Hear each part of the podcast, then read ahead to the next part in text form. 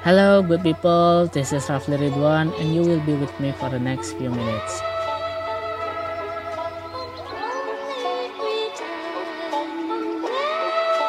Oke, okay, kali ini gue mau membagikan sesuatu hal yang mungkin bisa dijadikan sebuah pelajaran buat kalian atau sebuah motivasi buat kalian.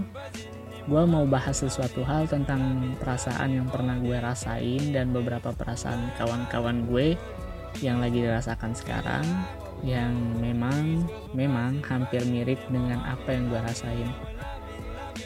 Oke, jadi gini Mungkin banyak dari kalian yang sudah berusaha sekeras mungkin untuk sampai ke tujuan kalian.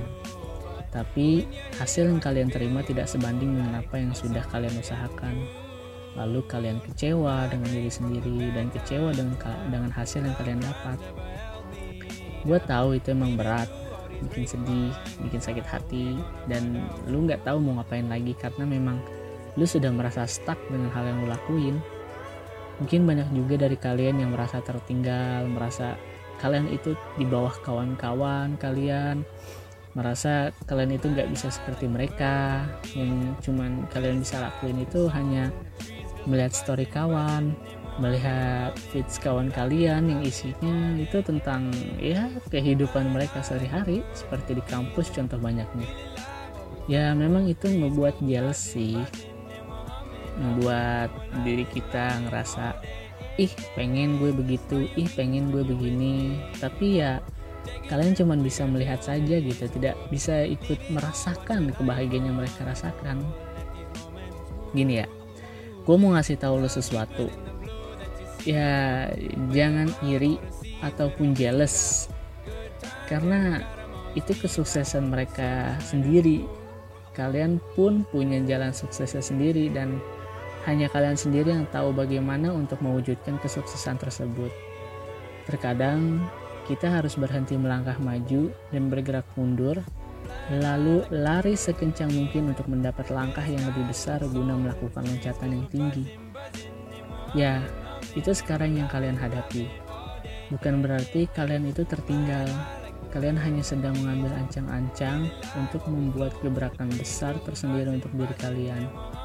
Karena belum tentu kalian bergerak maju terus, kalian dapat melompati objek yang berada di depan kalian. Bisa jadi kalian malah nabrak dan merasakan sakit yang lebih dari sebelumnya. Jadi, untuk kalian yang sedang berusaha untuk menumpuh tujuan kalian, selalu semangat dan nikmatin proses. Setiap hal yang terjadi dalam kehidupan kalian itu terjadi karena suatu alasan. So, terus berusaha sekeras mungkin walau banyak tantangan yang datang. Tidak mungkin mawar juga tumbuh dan mekar hanya dalam waktu satu malam. Mawar juga perlu proses untuk menjadi bunga yang indah dan disenangi banyak orang. Gitu.